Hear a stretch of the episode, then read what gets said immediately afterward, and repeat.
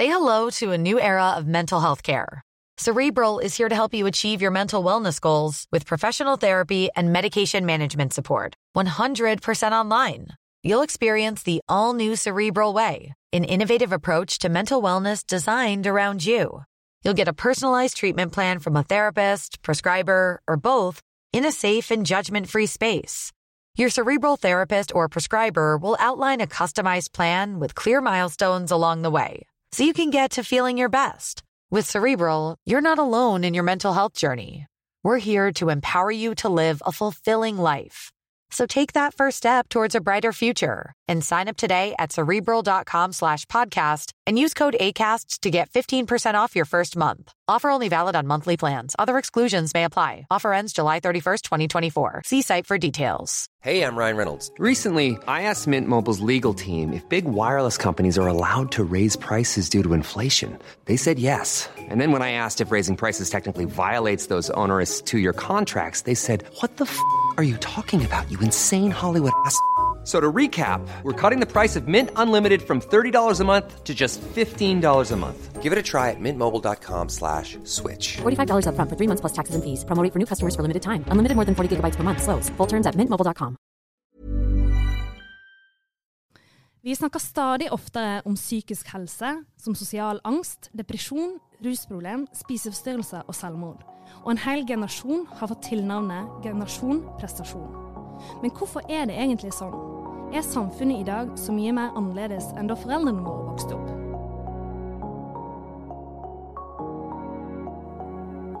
Velkommen til Sprekpodden, en podkast om trening, kosthold og helse. Jeg heter Malene Indebø Langlo, er journalist i Bergens Tidende, og med meg har jeg Daniel Rød Johansen, jeg jobber på Sporten i Aftenposten. Ukens gjest er lege, skribent og sitter i rådgivende fagkomité for Forening for tryggere ruspolitikk. Velkommen skal du være, Andreas Wahl Blomkvist. Tusen takk. Du, selv om ikke alle av oss har en psykisk lidelse, så har vi alle en psykisk helse. Hvorfor tror du det, Andreas, at uh, vi stadig oftere, både som media og samfunn og politikere, snakker om mental helse? Det er et godt spørsmål. Uh, på mange måter er mental helse viktigere enn fysisk helse. For på Min legeerfaring tilsier også at jeg kan møte multisyke pasienter som har masse fysiske og somatiske plager, men som egentlig har det ganske bra likevel. Altså Dette er mennesker med hjertesvikt, nyresvikt, uh, slitt med pusten, men likevel så de har det egentlig ganske bra. Men så er det noen som kanskje har um, hva skal vi si, litt mer bagatellmessige plager, da, men likevel dveler i de problemene de har, og likevel er ganske ulykkelig. Så mental helse er jo tilsynelatende ganske viktig eh, satt opp imot fysisk helse, fordi det er jo mental helse som bestemmer hvordan vi har det. Mm. Du kan jo også si sånn at lidelse, lykke, smerte, glede, alle disse her er jo mentale fenomener. Eh, de kan ha riktignok fysiske årsaker, men de manifesterer seg i våre sinn. Mm. Så når vi sier fysiske smerter, så er det jo egentlig psykiske smerter vi snakker om, som vi tror har en fysisk årsak. Mm. De er ikke noe mindre reelle, eller noe mer reelle av den grunn. Nei. Men uh, psykiske plager, uh, hvis vi skal være litt konkrete, hva er det? Ja, Psykiske plager det, er, det defineres ulikt i forskjellige undersøkelser. Eh, I en artikkel jeg skrev i VG, så refererte jeg til Ung i Oslo-undersøkelsen. sånn årlig undersøkelse her i, Oslo Mm. eh, blant ungdom. Det første man sier er jo mange har det ganske godt. Flesteparten har det bra. Men man ser likevel i rapporten fra 2015 at det var en økning i psykiske plager hos jenter. Og i 2018 så ser man også det hos gutter. Og dette er jo, Man har spurt over 25 000 elever fra 8. trinn til VG1. Um, og Da stiller de spørsmål sånn i løpet av den siste uken hvor mye har du vært plaget med? Og så skal du svare da ikke noe eller lite, ganske eller veldig. Og uh, da spør de om hvor bekymret du føler deg, søvnproblemer, uh, om du er nedstremt, uh, om du syns fremtiden er håpløs, om du er stiv og anspent. Og Det som er bekymringsverdig, er at alle disse her ser ut til å øke. Bekymringer øker kanskje mest av de. Så man kan ikke konkludere nødvendigvis at disse psykiske plagene reflekterer at de sliter mer, fordi undersøkelsen kan også si at ungdom si, rapporterer sine helseplager annerledes nå enn før. Men Det vet man jo ikke, men det tyder jo på at folk har flere plager enn de hadde tidligere. Men må man ha en diagnose for å slite psykisk? Nei, nei absolutt ikke. Altså mange, mange begreper i dag som eh, vi bruker, har jo tidligere vært hva skal jeg si, egentlig eh, De forstås jo som diagnose, men brukes jo som noe, noe helt annet. Som hvis jeg spør deg Hvis jeg sier at uh, du er deprimert, hva tenker du da i det begrepet? Uh, når jeg tenker deprimert, så tenker jeg at man er Da tenker jeg at man sliter psykisk og er veldig nedstemt. Sliter kanskje litt med å se uh, gleden i hverdagen. Da. Ja, Så bra. Altså, man, man, bruker det ofte synonymt med det du sier er nedstemt og tristhet. Men egentlig så depresjon er jo egentlig en klinisk diagnose som baserer seg på kriterier. Tristhet er en av de tre kjernekriteriene, hvor de andre er tap av interesse, lyst, som du var for så vidt inne på, og redusert energi, økt tettbarhet. Så du ser at det, eh, psykiske plager er noe annet enn en, en, en psykisk lidelse. Eh, og det er kriteriene når vi bruker begrepet depresjon for eksempel, innenfor medisinen, eh, i forhold til hva man bruker litt sånn på, for folketalen. da. Mm.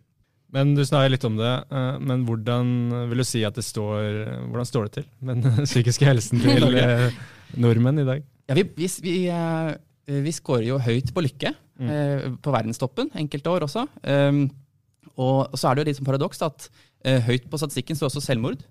Og det er jo fordi variasjonen innad i hver land er, er veldig stor. Mm.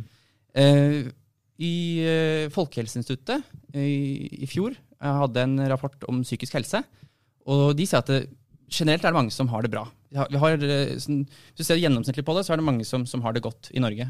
men samtidig så er Psykiske lidelser og rusbrukslidelser de er ganske utbredt og fører til betydelig helsetap i Norge. Eh, forekomsten ser ut til å være nokså stabil over tid. Så det har ikke vært noen økning av psykiske lidelser blant voksne. Men vi nevnte dette med psykiske plager hos barn og unge, mm. som f.eks. kan manifestere seg senere år som en psykisk lidelse. Eh, Henta fram noe statistikk, statistikk derfra, eh, og man kan si at i løpet av ett år så vil ca. 20% av den voksne befolkning ha en psykisk lidelse. det er, det er angst mye, eller depresjon. Altså. Det, det, oppleves veldig mye. Mm. Um, nå varierer det fra hva skal vi si, en, en, eh, relativt kortvarig episode med milde symptomer til det mer alvorlige med sant, selvmordstanker og den mm. slags. Så det, det, det, spenner jo ganske vidt, kan man si. Mange mm. av disse her befinner seg i arbeidslivet og greier seg, mens noen faller jo helt utenom. Eh, hvis du først blir rammet av en depresjon, så er sjansen for at du får det igjen ganske høy. Eh, Ca. 75-85 av de som har hatt det én gang, vil få det igjen. Eh, og de norske tallene, hvis vi sammenligner oss med andre europeiske land, så ligger vi sånn omtrent midt på treet. Men det varierer liksom fra undersøkelse til undersøkelse, og nøyaktig hvordan er det vi prøver å måle eh, forekomsten av psykiske lidelser. Mm. Mm. Du, du, har jo tidligere snakka om det at, um, at man bør kanskje øve seg på å være alene med egne tanker. Og det tenker jeg, for det med psykiske lidelser, det er jo eh, kanskje først og fremst sine egne tanker. sant? Mange opplever det å, å være selvkritisk og ikke føle seg tilstrekkelig og sånn. Og det er ikke nødvendigvis samfunnet som har fortalt dem at det ikke er nok, men, men seg sjøl. Så, så, så, hvorfor er det viktig å lære seg å være alene, eller være mer bevisste på sine egne tanker? Ja, det er et kjempegodt spørsmål.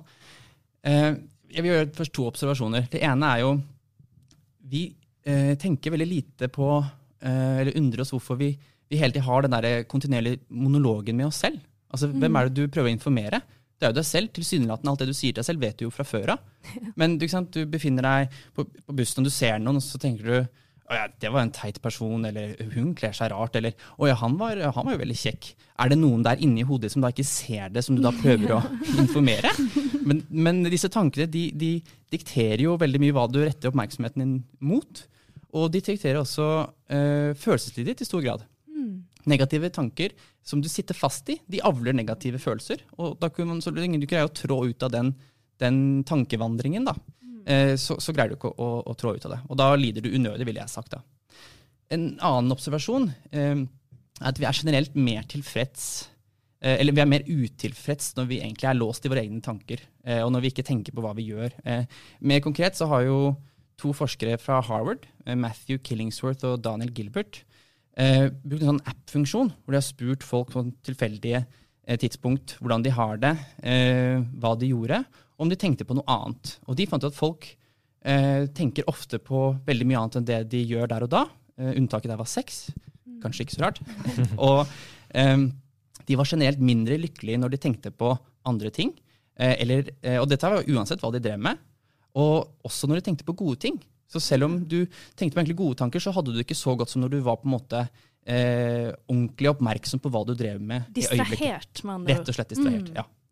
Uh, og når man kikket på dette tallet, dette datamaterialet nærmere senere, eh, så fant man at denne her sinnsvandringen, som de kaller det, eh, ofte var årsaken til eh, ulykken og ubehaget, heller en konsekvens av at de drev med noe kjedelig f.eks. Mm. Og de skrev at a human mind is a wandering mind, and a wandering mind is an unhappy mind. For det, det her, det her syns jeg er så interessant. Eh, og, eh, fordi at jeg kjenner meg veldig godt igjen det der å distrahere seg, da.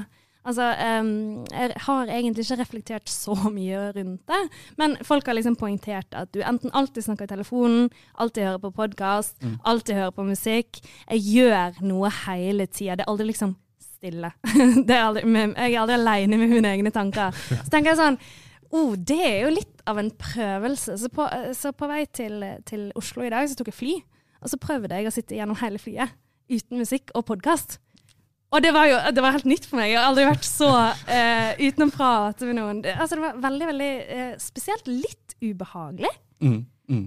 Hvordan, eh, tror du det er noe problematisk med det? At vi er, vi er en hel generasjon som, i hvert fall mange av oss, eh, som hele tida distraherer oss? Ja, altså, på en måte er det det, men problemet er ikke så mye at vi ikke kan være alene med tankene. eh, For det kan vi jo egentlig, men heller at vi ser ut til å være negativt påvirket av det. Eh, såpass mye at eh, vi hele tiden søker en distraksjon. Oppmerksomheten leter etter noe annet å gjøre, for den vil ikke bare være med seg selv og tankene sine. Um, og du kan liksom, hvordan skal du, Hvis dette fører til ulykke i livet ditt, hvordan er det du skal liksom redusere det? Og jeg tenker sånn, Der er det to veier. Du kan, kan ikke tenke på noe. Det ser ut til å være verken oppnåelig eh, eller ønskelig. sant? Altså, våre, våre tankeprosesser er jo sånn grunnlaget for alle våre si, intellektuelle evner. Um, den andre måten å, å jobbe med seg selv på, det er å endre hvordan vi forholder oss til denne strømmen av tanker.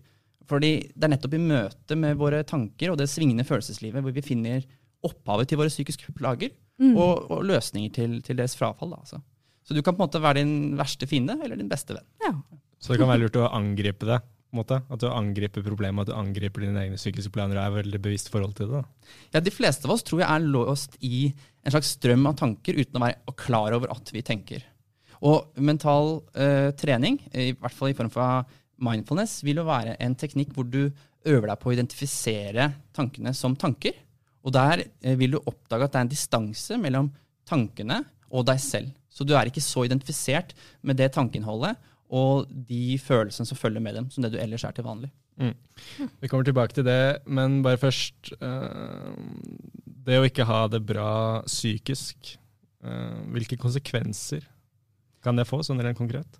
Ja, Hvis ikke du har det godt eh, psykisk, så kan det jo med tiden ledes opp til en psykisk lidelse, rett og slett. Um, mange, mange, spesielt kognitiv terapi, som har vært en del i vinden, eh, som også har vært et veldig effektiv måte å Ja, er det? Samtaleterapi. Liksom. Samtaleterapi. Ja. Det er en gren av samtaleterapi. Mm. Og de går, dette går jo mest ut på at du skal jobbe med eh, tankene dine. Fordi mm, man kan se, spesielt hos deprimerte, de har et, et tankemønster som bærer preg av mye negativitet. Og også en del feilslutninger. De tenker overveiende eh, og unødvendig negativt om seg selv, om fremtiden, og hva andre tenker om dem, som ikke passer med virkeligheten. Så de eh, kognitive terapeuter vil jo gjerne øve på oss å angripe dette her tankeinnholdet, og få dem til å utfordre dette her. og så tenke, Er det nyttig å tenke dette her, og er det sant i det hele tatt det du tenker om deg selv? Mm. Men for å kunne gjøre det, så må du også øve på en annen ting, nemlig å identifisere at du faktisk tenker.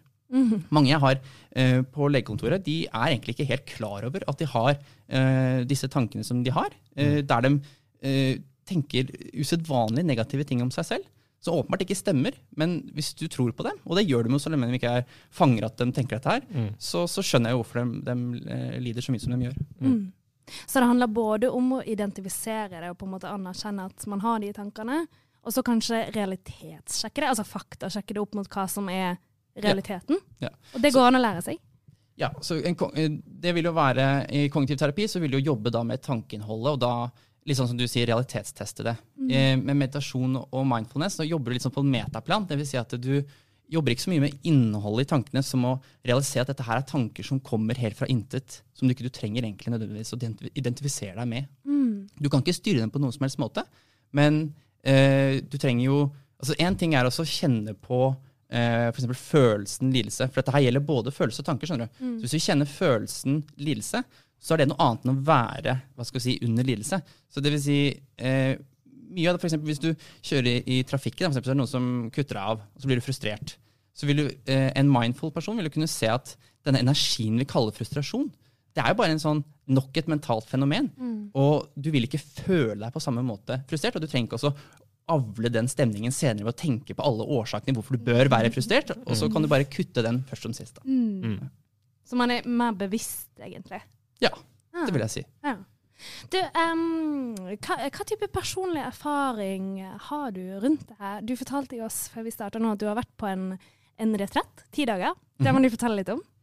Ja, det, eh, det er en tidagers retrett i noe som kalles eh, Vipassana, som kultiverer mindfulness, blant annet. Eh, Bare først, eh, nå sier vi mindfulness veldig mye. Hva, hva er det? Du må forklare det. Det, det er veldig kontroversielt å oversette eh, ja. mindfulness. Uh, i Det er sin- et fagert ord. Ja, det er, det er fagert ord. Ja. Uh, I sin enkleste form så er det en sinnstilstand der du observerer hva som dukker opp i bevissthet, uten at du blir revet med av det. Det er liksom den enkleste definisjonen jeg kan komme på. Eh, på norsk så ren oppmerksomhet, oppmerksomt nærvær, det er liksom ofte sånn det oversettes.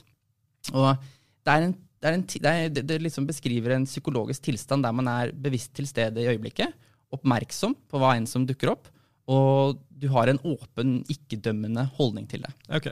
Ja. Ja. Og i Vipassana så uh, har du en litt mer lukket form for uh, oppmerksomhet, for du trener egentlig på å kjenne på kroppsfornemmelser i ti dager. Og når jeg sier ti dager, så er det sånn i de ti dagene så gjør du nesten ikke noe annet enn å meditere. Du spiser to ganger om dagen, riktignok, og du sover. Du går på toalettet. Eh, men du snakker ikke med noen. Du gjør, kan ikke drive med noe fysisk trening. Du er i hva man kaller for en edel stillhet. Så du er egentlig i en form for isolert tilværelse med deg selv i ti fulle dager. Mm. Altså, jeg blir, jeg blir helt stressa av tanken. Her klarer ikke jeg 40 minutter på, på liksom Bergen-Oslo. Men altså eh, Ti dager uten å snakke med noen. Altså, hvordan, hvordan er det mulig? Jeg må, jeg må si at eh, mange opplever det samme som du sier der. Og det gjorde jeg òg. De første par-tre dagene er definitivt de verste. Du, du, bare, du ser klokka tikke, og du lurer på hvordan i alle dager skal jeg komme meg ut av dette her, og hvorfor gjør jeg det? Og det er ren og skjær disiplin som drar deg gjennom de første dagene. Så etter hvert som du trener sinnet ditt til å bli mer og mer fokusert, eh, så, løs, så roer det seg. Og så er det sånn at du greier å skape den der distansen jeg snakker om til alle disse her tankene som sier at å, dette her er kjedelig. Så finner du at kjedsomhet det er på en måte bare nok et mentalt fenomen, og handler egentlig mer om at ikke du greier å rette oppmerksomheten ordentlig mot hva du driver med. Og mange opplever at det løsner seg mot dag fem, dag seks. Så, så opplever folk ofte en, en euforisk følelse av en slags veldig ny form for tilstedeværelse. Der hvor selv tid oppleves sånn underlig. Altså, det er ikke så mye en kontinuerlig strøm som det er liksom enkeltøyeblikk som går fra det neste til det neste. Var det sånn for deg også? Ja, jeg fikk eh, liksom et gjennombrudd som morgenen eh, dag seks. Varte ikke sånn altfor lenge for meg. Men du skal huske på at eh, for å Fordi dette her kommer jo fra buddhismen. Um, og én ting er at du skal kjenne på at du ønsker ikke å ha det vondt. Så du kjenner at sinnet har en sånn motvilje eller aversjon å kjenne på vonde ting. Men det har også et begjær for gode ting. Så når jeg kjenner sånn god euforisk følelse, så er det også en del av øvelsen å ikke knytte seg til den. Du skal på en måte stå helt eh, de, de, Du skal trene på noe de kaller for non-attachment. altså Du skal ikke være koblet til følelsen eller identifisert med følelsen eller tanken. Sånn som du ellers ville vært. Og På denne måten så kan du Hvordan, finne uh, hvordan uh, unngår du det? Så er det noe konkret Ja. du gjør? det, det, det konkrete du gjør, er egentlig også å oppdage at uh, ditt sinn, eller din bevissthet, består i å legge merke til mentale fenomener. Og de mentale fenomenene er ikke det samme som det fakultetet som legger merke til de mentale fenomenene. Eh, og når jeg sier mentale fenomener, så kan det være alt mulig rart. Fra kroppsfornemmelser, lyder, følelser, tanker osv. Hvis du oppnår en, eh, å se at du ikke er knytta til noe av dette, her sånn, så mister du følelsen av å være et selv, rett og slett. Mm. Og når du mister den følelsen, så er det ingen der som lider. Og det er på en måte sånn Buddha tenkte seg for at du skulle opphøre all lidelse. Men Men det er, altså- det, er, det, er, det er det dypeste laget. Ja, Eh, eh. Så de, de, i, i sin, i sin liksom første rekke så, så er det jo en god stresshåndteringsverktøy. Ja. For meg så ville jeg sagt at det beste jeg får ut av det, er at eh, hvis jeg opplever meg unødvendig stressa eller frustrert, eh, så går det av en sånn liten sånn alarm inni hodet mitt Mm. med at nå er det ganske høyt emosjonell intensitet inni sinnet ditt. Og så kan jeg på en måte eh, få en sånn mental frihet til om jeg vil fortsette å bygge på det, Ja. eller om jeg vil trå ut av strømmen. da. Så du tar steget tilbake og ser deg litt fra utsiden, Ja. og så greier du å justere? Ja. Ja. Men, men gjelder, det, gjelder det begge deler? Altså Gjelder det de gode følelsene òg? La oss si forelskelse. Så er jo litt kjedelig å være liksom partneren din, og så skrur du av forelskelsen fordi at du Nei, nå må jeg se meg litt eh, selv utenfra her, og skru ned denne følelsen. Ja. Skal man regulere både positive og negative følelser? Det handler ikke så mye om å regulere det som å anerkjenne eh, den distansen mellom bevissthet og det mentale fenomenet. Nei, Så man, man har lov å liksom ekte både på de gode Ja. og de dårlige? Ja, absolutt. Ja. Men du har en frihet her til å velge om du har lyst til å fortsette å tenke på hvorfor er du ikke så glad i den personen, eller, eller du kan hoppe inn i vet du hva, nå skal jeg faktisk bare tenke på hvor glad jeg er i den personen. Ja. Du, um, jeg må jo òg si sånn eh, For det, det er kanskje et dumt spørsmål, men det var selvfølgelig ingen internett på de ti dagene. Det var ingenting her, sant? Nei. Nei. Nei. Eh, Når du kommer tilbake igjen, hvordan går du inn igjen i det vanlige livet med, med å bo i en storby og ha internett og 4G og push-varsler og alt som, som, som vi vanlige folk i samfunnet har og om oss hele tida? Hvordan var det å komme tilbake igjen til det? Det var en justering der. Altså I starten, for du har jo ikke, nesten ikke hørt noen lyder utenom eh, en fugl som passerer i ny og ne og, sånn. mm. Eh, så det å sette seg på toget på vei til eh, Oslo igjen, eh, fra Rondane nasjonalpark som jeg var, eh, det var ganske sånn intenst. Slitsomt. Ja, altså det var jo veldig sånn Det var utrolig mye inntrykk. Og du får liksom Du går fra en, en veldig sånn Akkurat som du har vært i en hule, og så går du ut, og så merker du bare den intensiteten som er i dagens samfunn, og hvor fort det går, og hvor utrolig mye som prøver å eh, hva skal vi si, konkurrere etter vår oppmerksomhet. Så det var en, det var en overgang, da, for å si det sånn. Mm. Men eh, det tok ikke mer et par dager, så var jeg jo mer eller mindre som alle andre. Ja, okay. Men jeg har lært meg noe. Du har lært deg noe. Ja. Satt igjen med noe. Nå har vi snakket om eh, retrett, men altså har du mer sånn eh, Har du noen konkrete råd og tips for mental trening som kanskje er litt mer sånn Som er litt enklere for folk i hverdagen å gjøre? Vi som ikke har Sånn. ti dager å ta i rundene. Det avstå. uh, ja, jeg uh, Selve øvelsen mindfulness er jo uh, kjempeenkel. Altså, det er jo Sett deg ned, lukk øynene, og så observere pusten. eh, og så kan du sakte åpne opp og observere hva enn oppmerksomheten retter seg mot. Og så vil du oppdage veldig fort at tankene dine vil eh, ta over og dra deg med på en sånn tanketur av assosiasjoner. Mm. Og så oppdager du senere at oi, nå har jeg tenkt i fem minutter, og jeg skal egentlig sitte og meditere. Da bringer du tilbake, oppmerksomheten tilbake til pusten. Og sånn gjør du igjen og igjen og igjen. Akkurat som bicepskøl omtrent. Så trener du en mental muskel, rett og slett. Mm. Um, I praksis, noen konkrete råd. Jeg er veldig tilhenger av veiledet eh, meditasjon i form av app, f.eks. Det fins mange apper der. Eh, jeg kan nevne 10% Happier av Dan Harris. Eh, du har også Waking Up av Sam Harris. Du har også en eh, som heter Calm. Eh, den har ikke jeg så mye erfaring med. Eh, og så er det også noe som heter Headspace. Da. Så det er forskjellige apper du kan bruke. Eh, noen av dem har jeg mer erfaring med andre, men, men 10 Happier Waking Up er definitivt gode alternativer. Og så er det jo alltid lurt å prøve å forstå det også litt sånn på et intellektuelt plan. Da. Så mm. det å kjøpe seg en bok som passer for seg sjøl, eh, kunne også vært smart. Og nå har det Tidligere så har jo litteraturen på at det har vært veldig sånn dynket i østlig filosofi og rare termer. De har nesten sin eget vokabulær. Yogapants og litt sånn den type Ja. ja. mm. Og da kan jeg jo anbefale Dan Harris har en, bok med samme navn, 10% Happier. Han har også en bok som heter eh, Meditation for Fidgety Skeptics, eller noe sånt nå. Eh, den har jeg ikke lest, men eh, så, så har du også en veldig sånn vitenskapelig bok som tar et veldig sånn forskningssyn på det, da. Som heter Altered Traits med Richard Davidson og Daniel Goldman. Um, og en siste jeg vil nevne, det er Why Buddhism is True med Robert Wright. Helt, eh, helt til slutt, møter du mye fordommer eh, rundt det? Fordi at mindfulness var jo litt sånn tidligere, sånn som du sa, det var liksom eh, litt i, med, med yoga, meditasjon, og det var liksom det, det var en del fordommer rundt det før, eller er vi blitt mer åpne for det? Jeg, du har helt rett. Jeg, jeg synes, når jeg begynte å meditere for en del år tilbake, eh, så var det mye fordommer mot det. Også fra skeptikermiljøet. Og det var nok, de hadde berettiget skepsis i det, fordi forskningen på det var såpass upresist. Man visste ikke helt liksom, hva man forsket på. Man bare tok liksom, Folk drev med meditasjon, og så bare studerte du dem. Og så skjønte man at oi, de driver med forskjellige typer meditasjon, de har forskjellige virkninger. Mye ble bare sånn statistisk støy uten å få noe ut av det. Nå har det blitt veldig entydig at dette her har noe for seg. Eh, og det har liksom blitt tatt inn i varmen da, eh, av psykologer og, og nevroforskere og ja, hjerneforskere og forskjellige folk som, som har begynt å, å, snakke varmt om dette her. Og da syns jeg flere og flere kommer mer på, på, laget. Men i starten så var det mange syntes det var litt sånn underlig. ikke sant? Har du begynt med yoga? Nei, det er ikke helt yoga. Altså, ikke en litt sånn, sånn, weird samtale hvor du må bruke ganske mye tid da, på å klare hva er det du egentlig driver med. da. Ja, Folk lurte på om du skulle spare til dreads og hele pakken. Før du vet det, så, ja.